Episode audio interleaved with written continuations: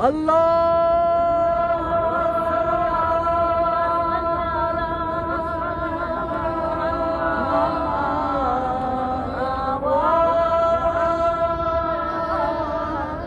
vælge at vente på døden, eller at gå ud og møde den.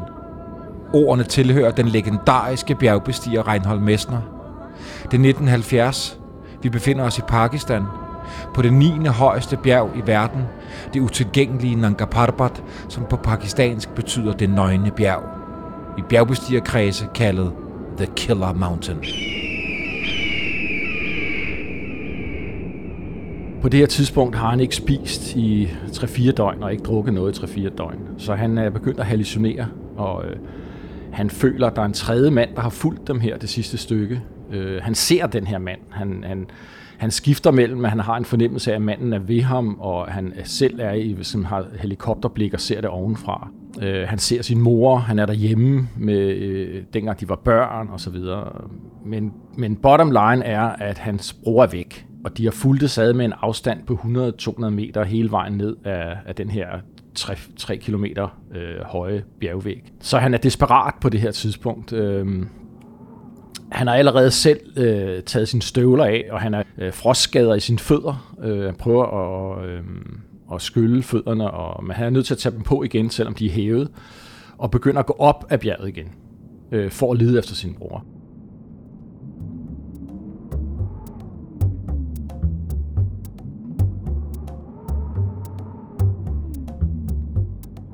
I dag skal vi ud til den yderste grænse, eller retter op på de højeste tinder med brødrene Reinholdt og Günther Messner. På en dramatisk og tragisk tur, som bliver en af de mest kontroversielle i moderne bjergbestigning.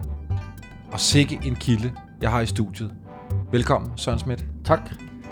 Du er bjergbestiger og bjergguide og har gennem to årtier bestedet verdens højeste og sværeste bjerge. Og du har også stået på toppen af Everest. Du har desuden gennemført Lam Rim i tibetansk buddhistisk filosofi, og så har du interviewet dagens hovedperson, Reinhold Messner, flere gange. Søren, hvem er de her to mænd, du taler om på bjerget? Jamen, Reinhold Messner og hans bror Günther Messner, de er ud af en søskendeflok på syv. De var seks øh, brødre og en, og en søster, øh, født nede i, i Dolomitterne, boede i Dolomitterne, øh, i en lille landsby, afsondret landsby. Øh, og allerede fra, øh, fra han er fem år, øh, tager, øh, tager hans far, øh, Reinholdt, og også de brødrene med ud og klatre på de lokale bjerge. Der er bjergtænder lige i nærheden. Dem, der har været i Dolomitterne, ved, at Dolomitterne er stejle og, og spidse og meget imponerende bjerge. Smukke, smukke, smukke bjerge. Så hvis man ikke har været i bjerge, så er det et godt sted at starte. Øh, så mellem han er 5 og 15 år, der, øh, der klatrer familien sammen, og så begynder brødrene også at klatre med hinanden. Og især Reinhold Messner og Günther Messner, de bliver et, et hold. Men der er nok ingen tvivl om, at Reinhold Messner var ligesom drivkraften i det her foretagende, og måske også den mest talentfulde. Men de laver sammen øh, altså store bestigninger i Dolomitterne. Øh, de de er, kommer op og, og hvad skal man sige, ligger blandt de bedste. Øh, dengang der for dem var det sådan, at de boede jo inde i den her afsondrede øh, dal, og, og dem er der jo masser af. Der er masser af dale, og, og, og deres klatremiljø, jamen det var, det var dem. Det var deres familie. Øh, de var ikke med i en klub, eller, eller havde en masse andre, de kendte. De klatrede bare sammen og udviklede sig. Og så efterhånden, så var der jo så rejste de jo længere og længere væk fra dalen og, og, øh, og, og mest i Dolomitterne og, blev, og, og læste også selvfølgelig historien øh, og valgte øh, de klassiske ruter. Og det blev jo så kendt. Der er jo så nogen, der har mødt dem og set dem og, og set dem igen. Fordi det er trods alt, øh, selv sådan et sted i, som Dolomitterne, er det måske en lille gruppe, der er dem, der er de rigtig aktive. Og, øh, og hvad hedder det, er ligesom i front på, hvad der foregår. Og den gruppe og uanset hvor du er i verden, om du er i Chamonix, eller du er i øh, Yosemite, eller du er i Alaska, eller hvor du er, så er der altid sådan et miljø af en gruppe, der, der kender hinanden og ved, okay, de har lige lavet den her i søndags, ikke? Øh, ja, der, det jo, der er to unge gutter, vi skal der holde er to, med her. Der er to øh, unge fyre her, der kan noget. Og det er jo ikke kun fordi, at man er i en eller anden form for konkurrenceforhold, det er også fordi, at man hele tiden øh, ser efter, øh, hvor er der en klatremarker, ikke? Fordi jo dygtigere du bliver, jo færre har du at klatre med. Øh, så, så på den måde, så er der blevet lagt mærke til dem, og øh, igennem 60'erne, øh, fra 1960 og frem til 70, der er Reinhold Messner meget, meget øh, aktiv, og, øh, og ofte med sin bror, men han begynder også at klatre med andre, som allerede er, hvad skal man sige, profiler i miljøet. Så, så han, han får selv et, et navn, fordi han laver ting. Han begynder også at klatre solo. Øh, I øvrigt, den tids udstyr var ret primitivt. Altså, de startede med det, der hedder hamperæb rundt om livet, øh, og, og næsten ikke noget af det, vi kalder sikringer. Altså, altså i stedet for en sele? Ja, i stedet for en sele, og de har jo ikke rigtig øh, det, der man kalder sikringsudstyr. Det har de meget lidt af. De, de klatrer sådan set udelukkende i kraft af deres færdigheder. Øh, og så er det måske mere held, øh, at, at øh, udstyret så fanger dem.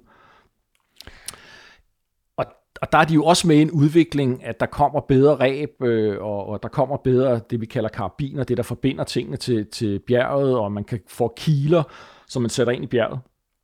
Og det, det kommer selvfølgelig også frem. Men altså, i, i begyndelsen er det meget, det handler meget om de personlige færdigheder. Og dem udvikler Reinhold Messner i den her periode, fra han er 5 til han er 15 år, og, og, og så kommer de sidste 15 til 20 år, at han så bliver rigtig dygtig og, og, og, og laver, og begynder også at blive en stemme i miljøet. Altså, bjergbestigning starter med drømme, og drømmene de kommer fra litteraturen.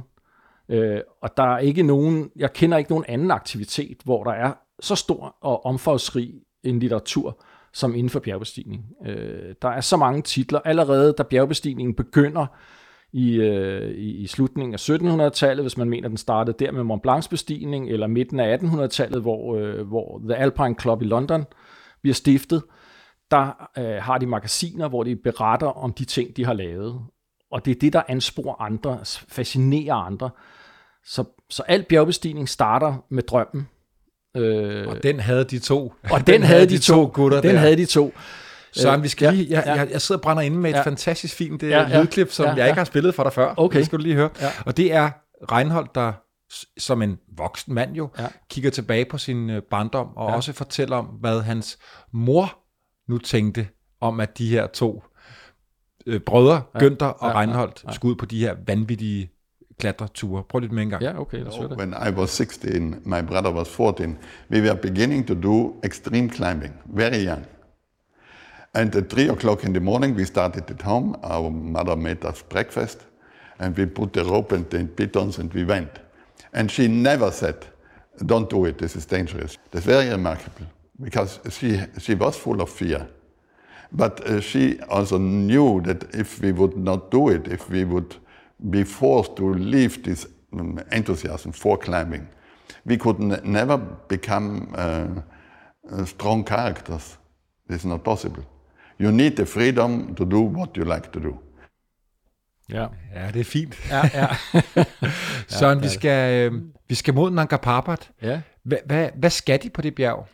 Jamen, Nanga Parbat, øh, det er jo den, det 9. højeste bjerg i verden ud af 14. Der er 14 bjerge over 8.000 meter, og, og, og i vores moderne verden, hvor vi tror, vi er så videnskabeligt funderet, der er det her jo sådan noget øh, magi, ikke? talmagi. Hvorfor er det så vigtigt, at det lige er over 8.000 meter? Men det er det.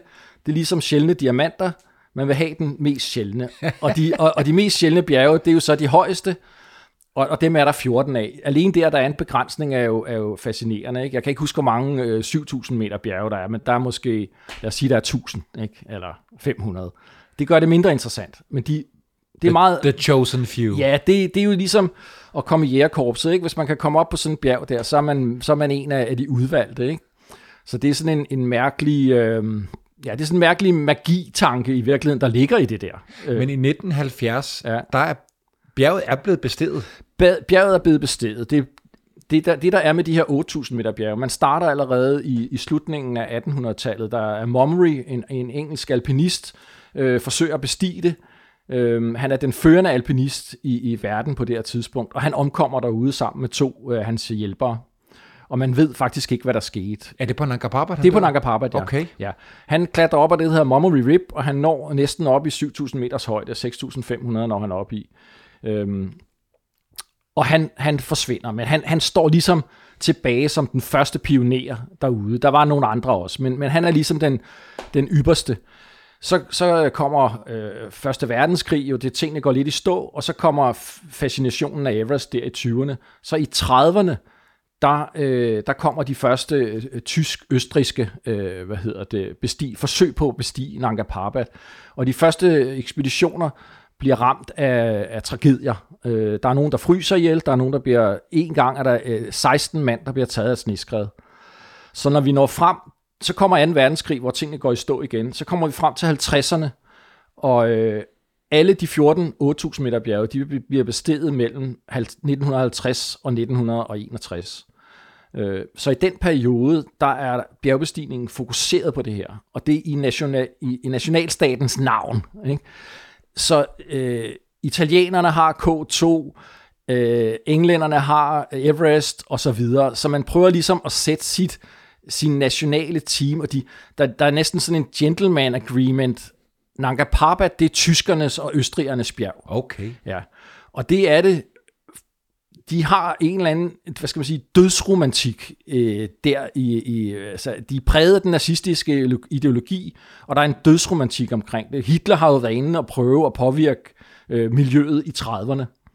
Øh, øh, nazistpartiet har understøttet øh, folk, der ville klatre, det der hedder Eikers Nordvæg nede i Schweiz, som også er et meget, meget kendt bjerg, hvor der også har været nogle, nogle, øh, nogle voldsomme øh, tragedier øh, og dramatiske historier. Så, hvad skal man sige, den her, den her øh, fokus, altså den her dødsideologi på en eller anden måde, altså det er sådan, det er til døden og skiller-agtigt, ikke? Altså vi, vi bliver ved, til vi dør-agtigt, ikke?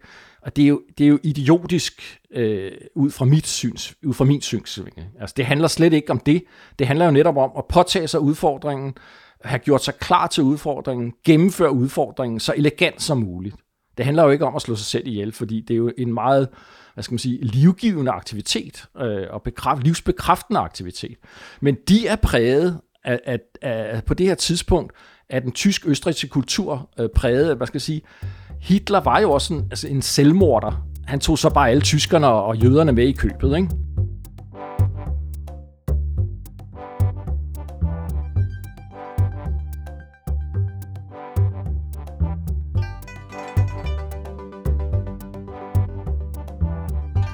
Søren, der er en ekspedition på Nanga Parbat i 1934, så vidt ja, jeg husker, ja, hvor at ja. øh, en mand, som vi måske bare lige kort ja, kan nævne, ja. øh, Herlighofers, ja.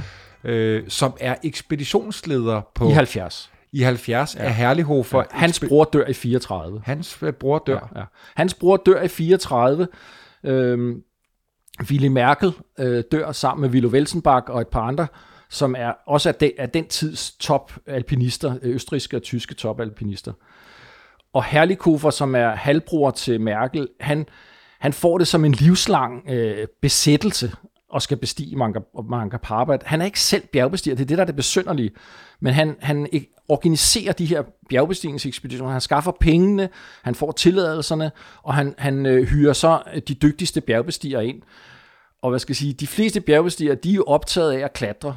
De har ingen penge, øh, de, har ikke, de har ikke tid til at organisere noget, de tager bare ud på cykel og, og bestiger de her bjerge, de bestiger. Det er det, der går, de, de går op i. Så på en måde, så er det, at der så står sådan en mand og siger, jamen jeg har brug for, for 16 mand, er der nogen, der vil med? Det er ikke helt sådan, det gør jeg. Han, han sendte jo specifikt ud til dem, han ville have med, Herlig Koffer. Men i 70 har han de to brødre med. De ja, to han, han står også, Herlig Koffer er også leder af ekspeditionen i 53, som når toppen første gang af, okay. af bjerget.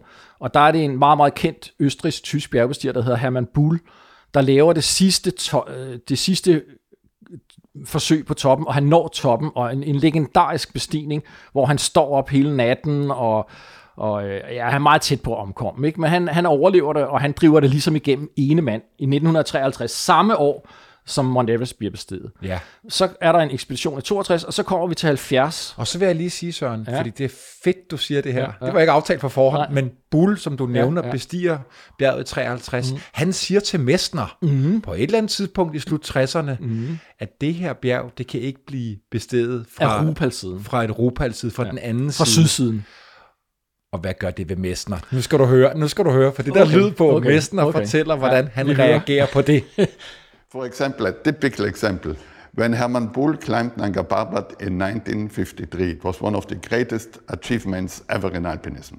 1953, he went up on the eastern ridge, not so difficult in many parts, and he could see in diagonal uh, vision the south face of Nanga Parbat. And he wrote in his book, this wall is so steep and so high, it's the highest wall of the world, that never anybody will do it. And this was the motivation 17 years later to go there and try. Ja, ja. Der er ikke nogen, der skal fortælle mig. Nej, men det, det fungerer jo mere på den måde, som jeg, som jeg sagde lidt tidligere, at man læser litteraturen, ikke? og Herman Bull har så skrevet om sin bestigning, og, for, og, og Messner var en ung mand, og, og, øh, og det er ikke sådan, at, hvad skal man sige, at, at det fungerer som, hvad skal man sige, i, i popverdenen, hvor det er idoler, sådan, men det er jo et forbillede, hvor man, man, man siger, okay, den her mand, han gjorde det på den rigtige måde, på den, i den gode stil, på, det, det, er sådan, det, det, det er noget, der er værd at trakte efter. Og for Messner, der var Herman Bull altså en, en, øh, et, øh, et efterlevelsesværdigt eksempel på, hvordan man kan gøre ting.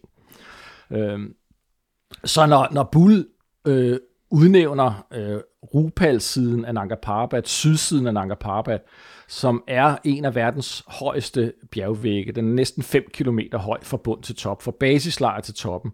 Hold da kæft. Det, det siger måske ikke så meget, men 5 km i, i højde, det er altså det er rigtig højt. Og der er en to-tre vægge i, i verden, der er så høje. Der er sydvæggen af Lhotse, og sydvæggen af Dhaulagiri kommer lidt op på siden af den.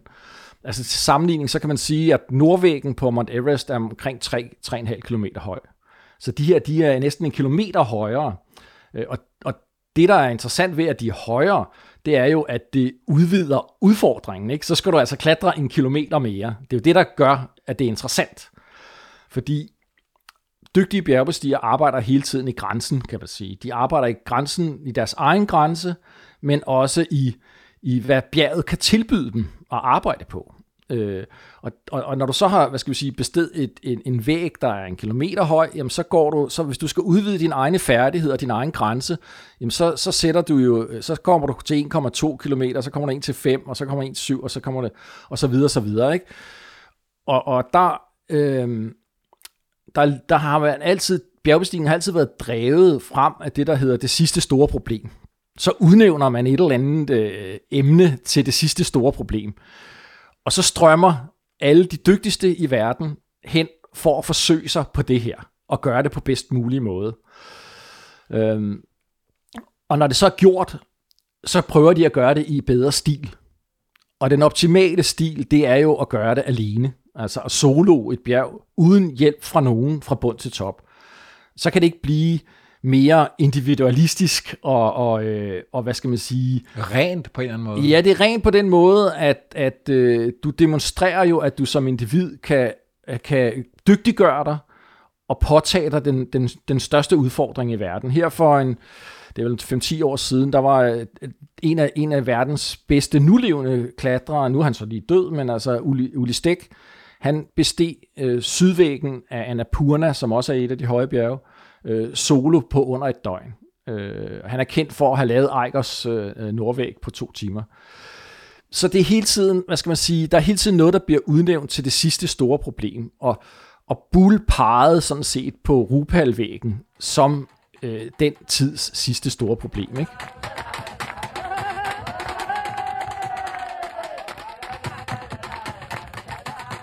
The knowledge that uh, life is great if you go further to um, invent something and to do it. This is the key, this is the key generally of my life. One key is that I am fighting to be a self-sufficient mm, person which do what he likes. And he, I don't like anybody around me telling me, and you should not do this, this, and you should do this, and you should going now there. Lad os komme op på Rupalvæggen, Søren, med de to ja. brødre. Ja, jamen lad os se, hvad der sker.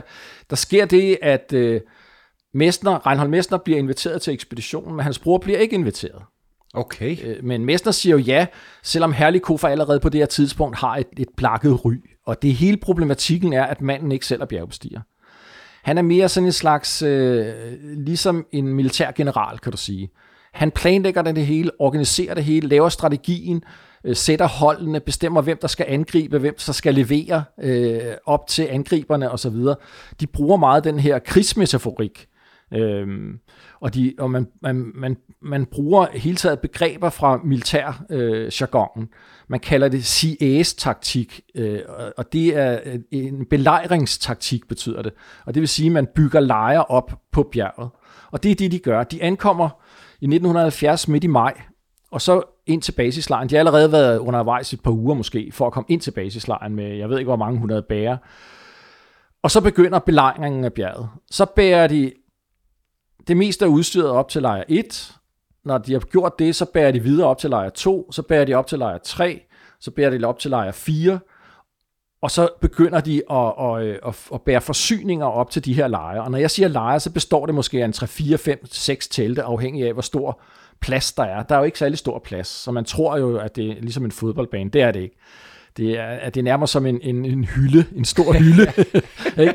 Så de, det, det er stejlt der, og, men de bygger altså op, øhm, og de er 16 mand afsted, som er, øh, eller også er de 14, 14 reelle klatre, og så er de fire, som er, øh, der er ekspeditionslederne, og så er der tre andre, som har andre funktioner.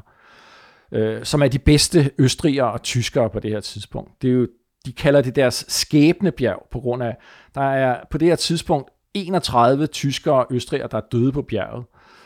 Og, og den her dødsromantik, de har omkring det, er altså... Øh, Øh, især lederen er præget af det, og, og altså ligesom i, i krigen, hvor at man ved, der kommer ofre, ikke? ellers så kan man ikke vinde krigen. Øhm, han er jo nærmest besat, Herlighofer. Jeg tror, ja, han har otte ekspeditioner der til efter hans brors øh, død. Så han... Ja, ja altså, i, i, hans, i hans liv laver han 8-9 ekspeditioner ja, til Nanga Parbat. Han bliver ved simpelthen indtil han er en gammel mand. Ikke? Øh, så, så det er en eller anden form for øh, besynderlig øh, hobby eller beskæftigelse eller, eller besættelse. Det, det, jeg har faktisk ikke læst øh, så meget af ham, øh, og, og der kunne egentlig godt tænke mig at have hans vinkel, fordi han han har jo så lidt blakket ry. Øh, det er klart, at bjergbestiger er mistænksom over for folk, der ikke er bjergbestiger, og som træder ind på scenen og tager en, en dominerende rolle. Ikke? Men de bygger op, i, øh, og, og øh, undervejs øh, bliver vejret dårligere og dårligere. De starter godt, men de har øh, to gange er der en uges, øh, hvor der storm. Og, og brødrene Messner, altså Günther og Reinhold, de ligger i, øh, i lejr 3 i 6 dage øh, i storm inde i teltet. Men de ved godt, mens de andre er nede i basislejren, de ved godt, at det er en fordel for dem, fordi de tilvender sig højden imens. Der sker jo det, at allerede i, i basislejren omkring, øh, nu deres basislejr er lidt længere, men når, normalt er basislejren i 5 km, og der er der kun det halve ildtryk i luften, og der så plejer man at sige det halve iltindhold, selvom det er i virkeligheden trykket, det handler om. Øhm, og det, det øh, har, er vores krop så sindrig øh, indrettet, at den begynder at producere flere røde blodlegemer, sådan at, at, øh, at blodet bliver mættet med, med røde blodlegemer, og det, og det tager så et stykke tid. Og det er den måde, man tilvender sig højden. Så det betyder det, at selvom der er mindre ilt, så er der flere røde blodlegemer, der kan modtage ilten og transportere den rundt i kroppen, og på den måde kan du fungere i højden. Ellers vil du jo overhovedet ikke kunne være derop uden at have kunstig ildforsyning med. Men de ved godt, at de har en fordel ved at ligge deroppe, mens de andre er nede i, i, i basislejren. Men de bliver jo selvfølgelig også, det, det er ret anstrengende at ligge en uge i, i telt, og, og, og det er bare øh, øh, havler ned og, og så videre. Ikke? Det, er, det er klaustrofobisk og, og irriterende også at ligge ned så længe. Bliver de utålmodige? Ja, men altså, de er så hvad skal vi sige, professionel på det her tidspunkt, at, at øh, det der ubehag, altså det, øh, det overvinder de med at, at overbevise sig selv om den fordel, de har ved at ligge der. Ikke? Men de kommer så ned, og så, så går tiden, og det bliver ved med at være dårligt vejr, og så videre, og så videre, og så er, er der efterhånden sidst i juni, der har de været 40 dage på bjerget, uden at have været i stand til at nå toppen. Og så beslutter øh, Herlikofer øh, hvad hedder det, og, og gøre et sidste forsøg. De er tæt på at pakke sammen og rejse hjem. Han har allerede været afsted nogle gange, hvor han har pakket sammen og rejst hjem. Og, og det, øh, det er jo alene det, at han træffer beslutningen, er jo kilde til konflikt i forhold til de dygtigste på holdet, ikke? som er Reinhold Mester faktisk. Øh, men, men Messner og ham, de bliver enige om en plan, der hedder, at øh, Messner og, og jeg tror, han hedder, fotografen hedder Gerhard Bauer, og Günther, de ligger i øverste lejr, som er lejr 5, og så ligger der fire andre gutter nede i lejr 4. Og så er det meningen, at de tre, de skal sætte ræb op i den sidste, i den sidste rande op mod toppen, som hedder Merkel Couloir, som er 600 meter lang øh, stejl isrande.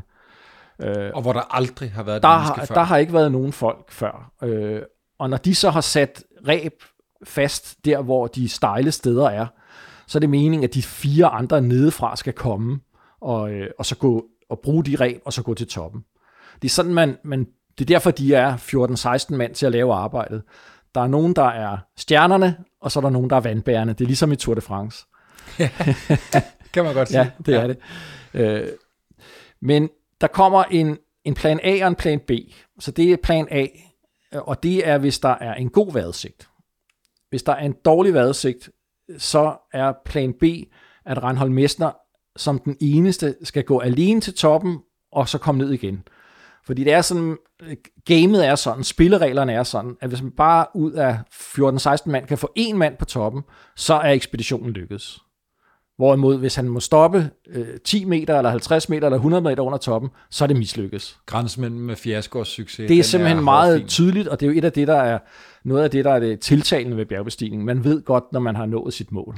Nu kommer Herlik Hofer til at spille en også igen afgørende rolle, så vidt jeg husker historien. Ja, ja fordi at de de har ikke, øh, når man ser deres radioer for den gang, de, de fylder jo lige så meget som, som en stor skotøjsæske, ikke? Øh, så de aftaler, at i den øverste lejr, der har de ikke øh, radioer med op. Så aftalen er, men de har nogle, nogle raketter nede i basislejren, så aftalen er, at hvis det er en god vejrudsigt, så fyrer de en blå raket af. Hvis det er en dårlig vejrudsigt, fyrer de en rød raket af. Hvis det er en god vejrudsigt, blå raket, så er det plan B, hvor de samarbejder om at sætte ræb op, og, og der kommer et team efter. Hvis det er dårlig vejrudsigt, så er det plan B, så er det øh, rød raket, og så er det Reinhold Messner alene til toppen.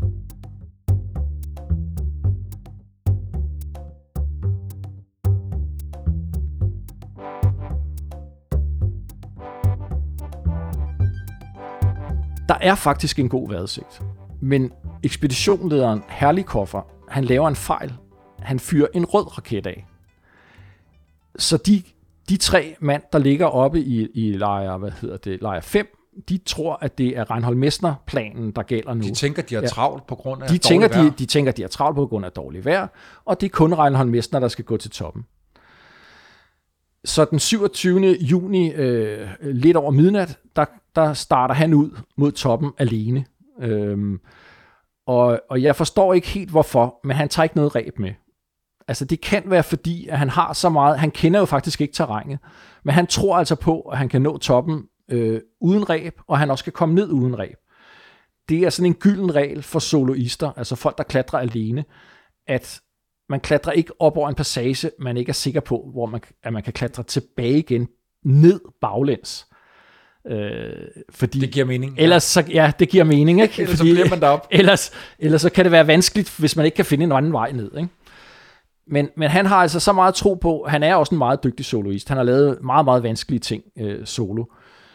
Så han har åbenbart en tro på, at det kan, det kan han gøre. Og han forventer jo ikke, at der er nogen andre, der kommer efter ham. Så han klatrer op mod toppen, da han har klatret de 600 højdemeter øh, i, i den stejle couloir, i den stejle snerende, så flader terrænet ud og bliver øh, vanskeligt på en anden måde. Fordi nu bliver der dyb sne, og nu er solen kommet frem. Så han er gået fra at ligge i minus 40 grader i teltet, til nu at gå i måske plus 35 grader, plus 40 grader i solen. Det er sindssygt varmt. Og man kan, når man går i, når man går i, det, det kommer jo genskin fra sneen, og man bliver vanvittig af den der varme der. Og så plus, at det påvirker kroppen ekstremt negativt øh, at være i så, i så kraftig varme. Ikke? Og en eller anden anden grund så har de ikke haft øh, køkken med op i lejr 5, så de har ikke kunne smelte sne. Så han har ikke væske med, og han har heller ikke noget mad med. Men det vigtigste er, at han ikke har noget væske med. Man skal forstå, at i 1970, der befinder vi os i sådan en overgangsperiode, hvor man øh, besteg bjergene på den her måde, som jeg siger, med sådan øh, det, der hedder belejringstaktik, til at man forsøgte at gå over til alpin stil. Alpin stil, det er det, man gør i Alperne. der pakker man rygsækken om morgenen, bestiger bjerget og går ned igen med det, man har i rygsækken. Eller man bruger måske flere dage, en, to, tre dage på, men man har kun det med, man har i rygsækken. Man er en eller to eller tre mand. Og det er jo en flottere stil, end at belejre bjerget og bygge op. Altså, det er næsten, altså man er jo næsten sikker på succes, med mindre vejret er dårligt, ved at belejre bjerget. Fordi du sætter bare så mange ressourcer ind, at, at, at bjerget ikke har en chance, så at sige. Formentlig derfor, man har gjort det. Ja, jo jo, og, og, og, og i, der i pionertiden, der, der ville, altså det var også en national anlæggende, man skulle jo ligesom på toppen, ikke? Øhm, og man var jo også, hvad skal man sige, man manglede jo erfaring, ikke? Så, så man, man bygger jo erfaring op. Det er jo hele tiden noget med erfaringsopbygning, og så at raffinere spillet. Øh, og på det her tidspunkt er man i en overgangsperiode, hvor man er ved at gå fra den gamle metode til den nye metode, som er alpin stil.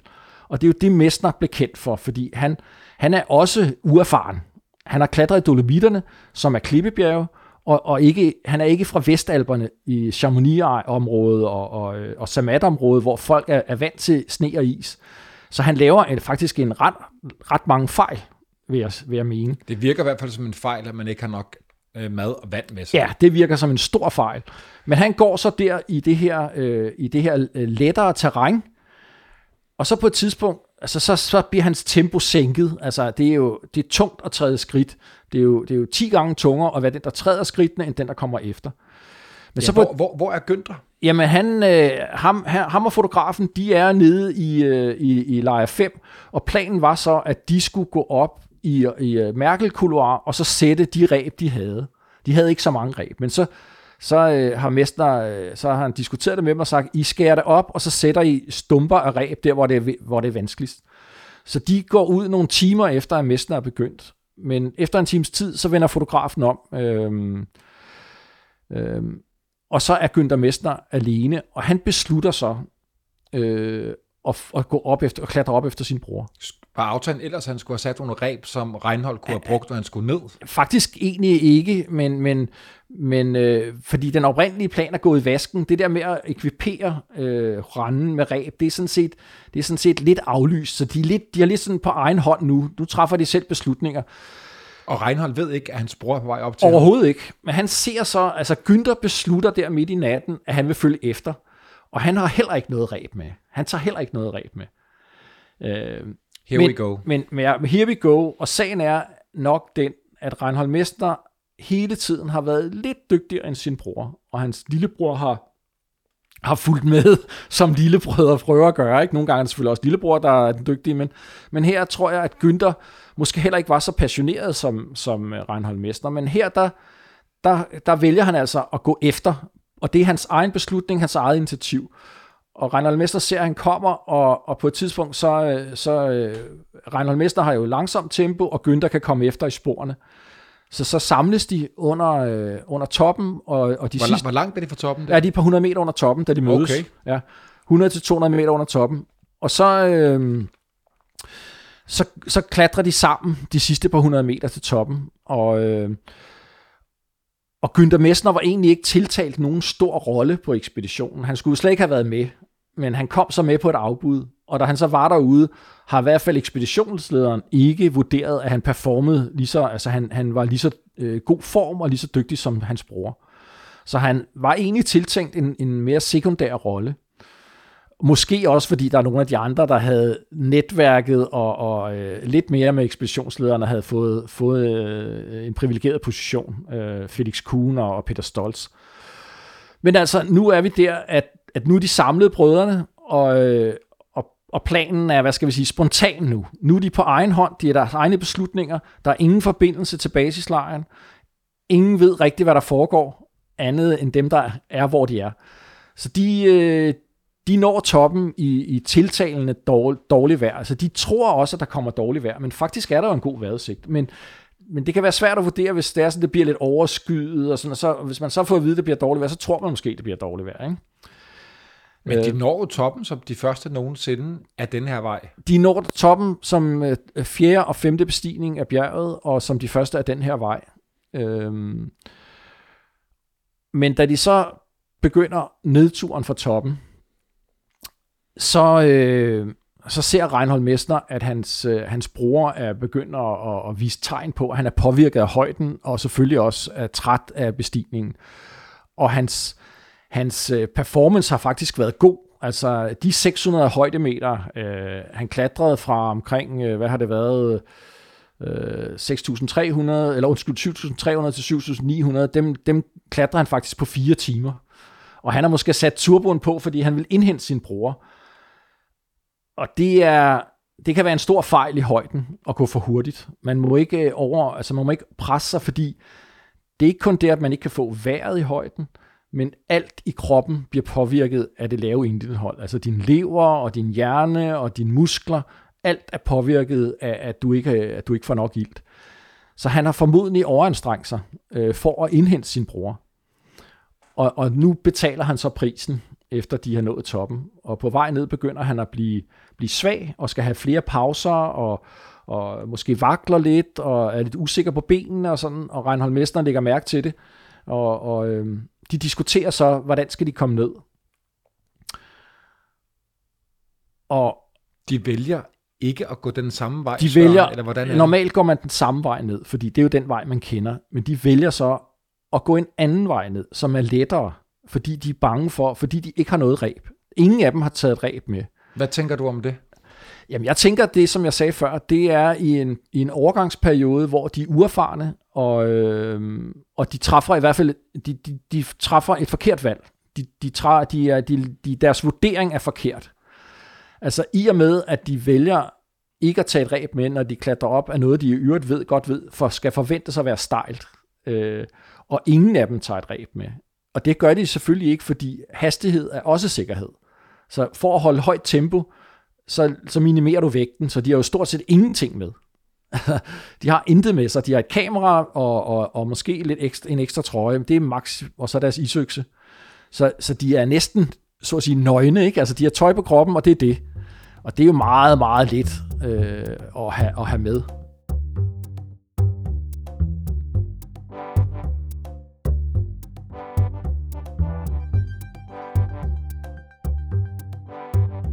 De begynder så at, at drøfte, skal vi gå ned af den vej, vi kom op, eller skal vi gå en anden vej ned? Og ifølge Reinhold Messner, det nu har vi jo kun hans vidneudsagn, så er det hans bror, der foreslår, at de går ned af vestsiden på bjerget, i stedet for at gå tilbage af sydsiden af bjerget fordi at vestsiden ikke er så stejl.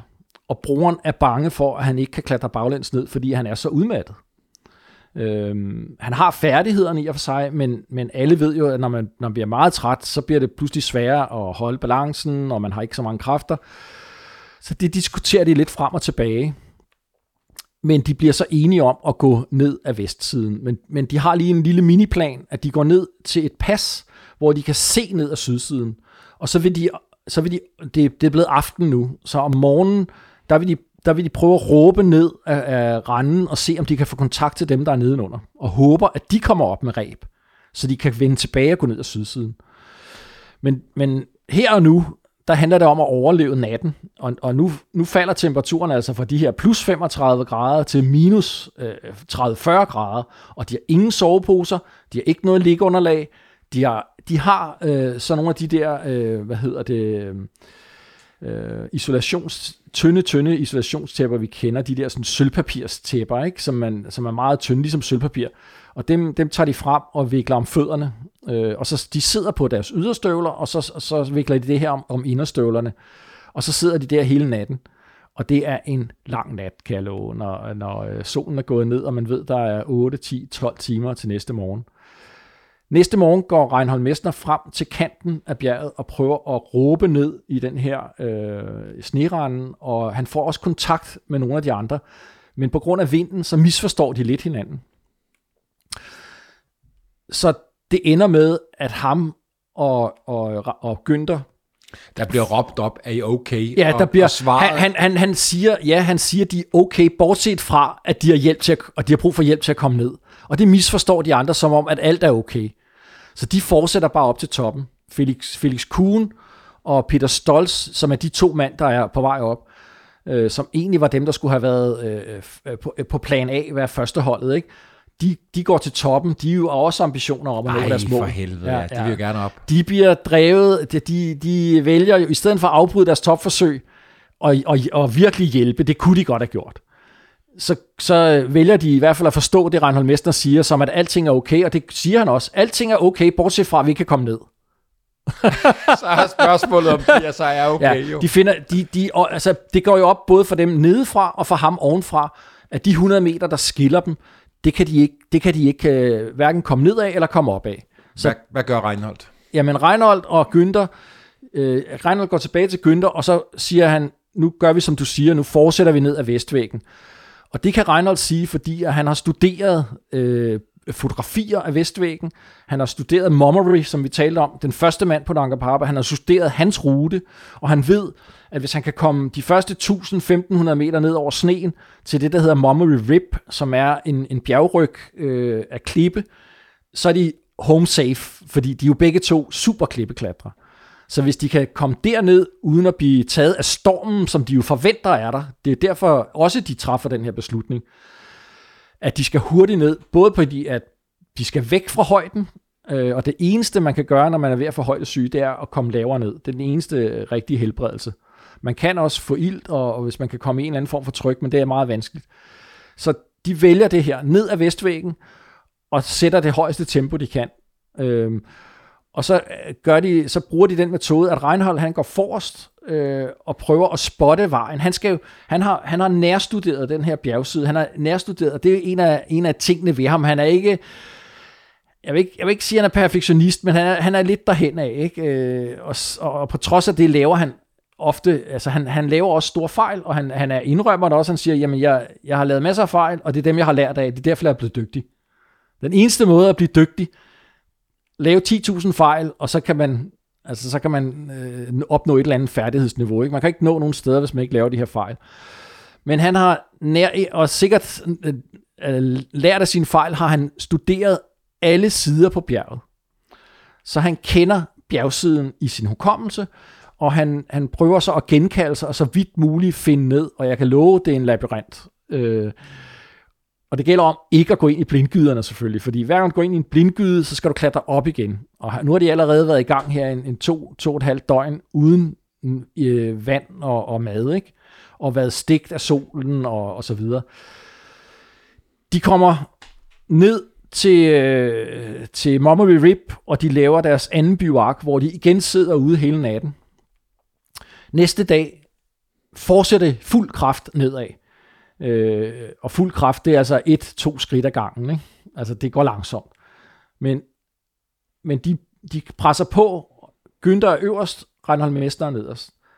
Mester når hen på eftermiddagen, først, første del af aftenen, når han ned til foden af bjerget, hvor han øh, finder en gammel basislejr fra øh, ekspeditionen i 62 og han tager sine støvler af og, og, og, og køler sine fødder ned. Han, han, han har frost, øh, frostskader i fødderne, som er, som er varme og ophonet og alt muligt. Og så vender han sig om og, og, og kigger. Altså, han, han har jo en fornemmelse af, at nu skal min bror komme, og hans bror kommer ikke. Og han, han, jeg, jeg er sikker på, at han instinktivt har vidst, det her det er galt, det er rigtig galt. Fordi de har fulgt sad i, i over et døgn, halvandet døgn, og brugeren har været lige efter i en bestemt afstand, og de har helt, de har, hvad skal man sige, de har haft afstand, men de har haft kontakt. Og så pludselig er kontakten brudt. Så han tager støvler på igen, klatrer op og begynder at lede efter sin bror, og han bliver mere og mere desperat. Han leder efter, han leder efter sorte huller, hvor han måske broren er gået igennem, hvor der er en, en gletsjerspalte under, han kan være faldet i. Men, men han, øh, der, der er ingen huller. Han, han aner ikke, hvor broren er. Han går og råber. Det, det bliver at blive aften. Så der er ingen livstegn? Der, der er ingen livstegn. Broren er fuldstændig eller? forsvundet. På et tidspunkt, så kommer Messner op til det, der hedder en serak, som er sådan en stejl væg, der udelukkende er lavet af is. Og der kan han se, at den yderste del af det, det er ligesom en gletsjerfront, der knækker. Der er der et, et kæmpe sniskred, som den her gletsjerfront har, har skabt, og der er han godt klar over. Dernede, der ligger Günther. Det ved han med sin fornuft, Ej, men han, nej, kan ikke, nej. han kan jo ikke acceptere, at, fordi han har jo lige været lettet over, vi gjorde det kraftede, vi overlevede det. De, han stod for foden af bjerget, og nu skulle de bare gå ud af dalen. Og så kommer broren ikke. Altså det, den, det skift mentale skift, det følelsesmæssige skift, det har jo været et mareridt for ham.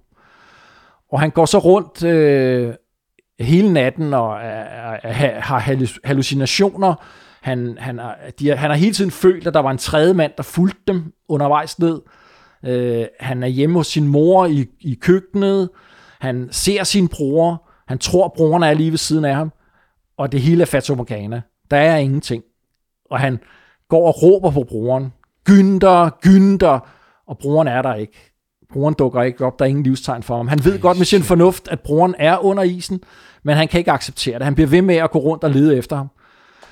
Som, som et dyr, der leder efter sin, sin mage, der er væk. Ikke? Og han skal jo passe på sig selv, Søren, fordi han er, han er skidt kørende På selv. det her tidspunkt er han ligeglad. Med, Svære han, forfrysninger ja, i tag. Han har svære forfrysninger i tag. Alt det der spiller ingen rolle for ham. Hele natten går han rundt og, og des, i desperation og leder efter broren, hallucinerer til sidst så giver han op og går ned igen af bjerget der til, til lejren og, øh, og, øh, og falder i søvn simpelthen. Ja, den gamle lejr. Det er den gamle lejr fra 62. side af bjerget, ikke? Så han, han, alle, hans, øh, alle hans klatremarker, de er jo fuldstændig over på den anden side af bjerget. De er jo 10 km væk øh, i, i afstand og, og helt over på den anden side af bjerget. Altså der er jo, der er jo 5 km bjergvæg op og 5 km bjergvæg ned, der skiller dem, ikke? Hvordan redder han livet på sig selv nu? Jamen, øh, om morgenen, så, så, øh, så vågner han igen, og så beslutter han sig for at overleve. Eller hvad skal vi sige, han bliver jo sikkert drevet af overlevelsesinstinkt. Han begynder at kravle ud, han kan dårligt gå, han går og kravler, han ved, at, at der er i hvert fald 10 km ud af den her gletscher. Det er stadigvæk gletscher. Så på en eller anden måde, så lykkes det ham at kravle og, og gå ud. Og hen på aftenen, der, øh, der ser han så et menneske for første gang. Der er nogle, nogle, øh, nogle gutter derude med nogle dyr, og øh, nogle af de lokale, der bor oppe i bjergene. Og de tror jo ikke deres egne øjne. Han prøver at tage en sten, en stor sten, og så prøver han at forklare dem, at han kommer fra den anden, at det er Nanga Parbat, og han ligesom kommer fra den anden side, og nu er han havnet her. Altså, det er jo en fuldstændig desperat situation. Han kan ikke tale med dem, han har ingen penge, han har ikke noget pas, hans øh, venner ved ikke, hvor han er henne, øh, altså ekspeditionslederen ved ikke, hvor han er, de tror selvfølgelig, at de er omkomne. Og de her gutter, han møder, tænker, han er et fatamorgan. De aner ikke, hvem De tænker, hvor fanden kommer han fra, ikke? Øh, måske begynder de at forstå det. I hvert fald så begynder de, og så hjælper de ham ned. De støtter ham ned. Han kommer ned til en øh, til første ikke landsby, men sådan et, et, øh, et, et, et, sæter, et sæterområde, hvor der er flere folk.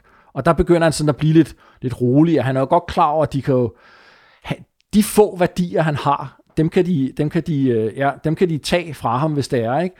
Og, øh, og der er nogen, der tilbyder at hjælpe ham, som er bevæbnet, og det bliver han jo, det bliver han desperat over. Han siger, I må gerne hjælpe mig, og I skal nok få nogle af mine ting, men I skal lægge jeres våben her. Så griner de af ham, og så viser de ham, at våben ikke er lat. Og så, og så bliver han... han jo sådan lidt skamfuld, fordi de vil, de vil godt hjælpe ham. Det ender med, at de bærer ham ud to-tre dage. Først bærer de ham på ryggen, og så bærer de ham på en, en borger, og, og til sidst kommer han ud øh, og til en militærpost, og de kører ham så videre i en jeep, og han kommer videre til en ny militærpost, og så bliver han transporteret igen i løbet af natten i en jeep, og midt om natten der, der møder, han, projekt. der møder han så øh, ekspeditionslederen Herlikoffer, som er på vej ud, okay. og, og som jo ikke forventer, at han er i live. Nej, nej, nej. Ja, altså, de forventer jo, at både ham og brugerne er omkomne, men han er i live, de mødes midt om natten, og så, så har han jo fået kontakt, og nu er, hvad skal man sige, de 4-5 døgn, hvor han er blevet båret og hjulpet ud af dalen, altså de kunne lige så nemt have, have, have skåret halsen over på ham og smidt ham i floden og taget hans ting. Og det ved man godt, det sker i de store bjerge. Når du kommer som vesterlænding med dyre kameraer og bjergstøvler og isøks og alting, det har høj værdi. Altså, de lever for 4-5... Ja, det blev bragt til skamme her. Med det blev bragt til skamme, de hjalp ham, og han har jo så, øh, hvad hedder det, gengældt det ved at lave en skole til dem faktisk. I øh, Günther Messner-skolen er øh, oppe i den her dal. Øh, wow. For at uddanne de her unge mennesker, øh, som, som bor deroppe. Ikke? Men Søren, han møder sin ekspeditionsleder, hvis egen bror er død på bjerget. Præcis. 15-17 år. Øh, ja, det er jo så på det her tidspunkt... Øh, det er 25 år siden, 25 ikke? 26 år siden. Nå, ja, det er rigtigt, ja, endnu mere. Ja, ja, ja. Så what's the chance? Men jeg tænker, allerede da de møder øh, resten af ekspeditionen, og de hører, at Günther er væk, mm. så begynder Reinhold Mesters egentlige kamp for ikke at overleve, men for sit ry. Ja. For der begynder over at komme hele den her diskussion om, alle har en mening om, hvad Hvorfor der er er sket. din bror død? Alle, og alle er har en mening om, hvad der er sket. Der er nogen, der mener, at, at Messner, netop fordi han er så ambitiøs, allerede fra starten af har haft en, en plan om, at han vil overskride bjerget. Altså han vil ikke bare klatre på toppen af et 8.000 meter bjerg. Han vil historiebøgerne ved at være den første, der også har overskrevet bjerget. Og han kommer historiebøgerne. Det gør han. Han bliver første mand, der bestiger alle de 14 toppe øh, uden, Uden ilt, ja. uden ilt. Ja. Han er første mand, der tager Everest solo uden ilt. Han er første mand på Everest uden ild. Han er første mand solo på Everest uden ild. Han er første mand solo på en 8000, som også er Manga Parbat. Det gør han i 78. Øh, han er den første, der bestiger alle 14 uden ilt. Han er den første, der bestiger Seven Summits Messnerlisten uden ilt. okay. han, øh, han, går, han krydser Antarktis. Han går på Grønland på tværs. Sydpolen, Nordpolen og så videre. Han er også han, han går også i, i, i, i hvad hedder de, de store ørkener. Han krydser Gobi-ørkenen og taler, tak, hvad hedder den, Taklamahan-ørkenen og andre ørkener. Altså, han er konstant på farten i hele sit liv. Søren, tusind tak for, at du kom i dag. Jeg synes, vi lader Mestner få det sidste ord, mm. for det er jo sådan, at han øh, også i det her interview, vi vendte tilbage til et ja. par gange, eller vi startede med, der, øh, der fortæller han om, øh, om at angribe de her store bjerge. Det handler om det mentale. Han mm-hmm. rykker jo tilbage til mm-hmm. Nanga Parbat i, i 78, ja. 8, 8 år efter ja. hans brors øh, tragiske død. Ja. Øh, og der synes jeg, vi slutter her. Ja. Tak for det. The solo climb of Nanga Parbat in 78 is much more important than the solo climb of Everest because it was the mountain where I learned it. And especially I did a totally new route on a high wall on Nanga Parbat. And uh, the first time, not only for me, for the whole climbing community, somebody did an 8,000 meter big solo. And the problem was not a technical problem, not a logistical problem. It was a problem, a mental problem. To be able to handle, to be on the end of the world in very dangerous uh, situations by yourself, not being able to speak with anybody, not being able to exchange experiences, not being able to divide fear. If we are together, fear is only half. I think that my um, I have only one thing which many other climbers do not have. I had the opportunity between my fifth and my 15th uh, year to learn naively to survive in the mountains. So it became an instinct.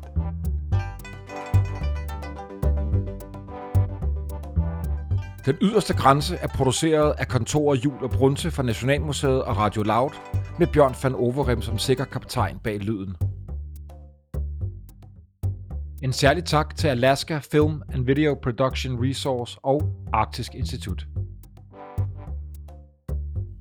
Find serien på vorestid.dk eller der, hvor du normalt finder dine podcasts.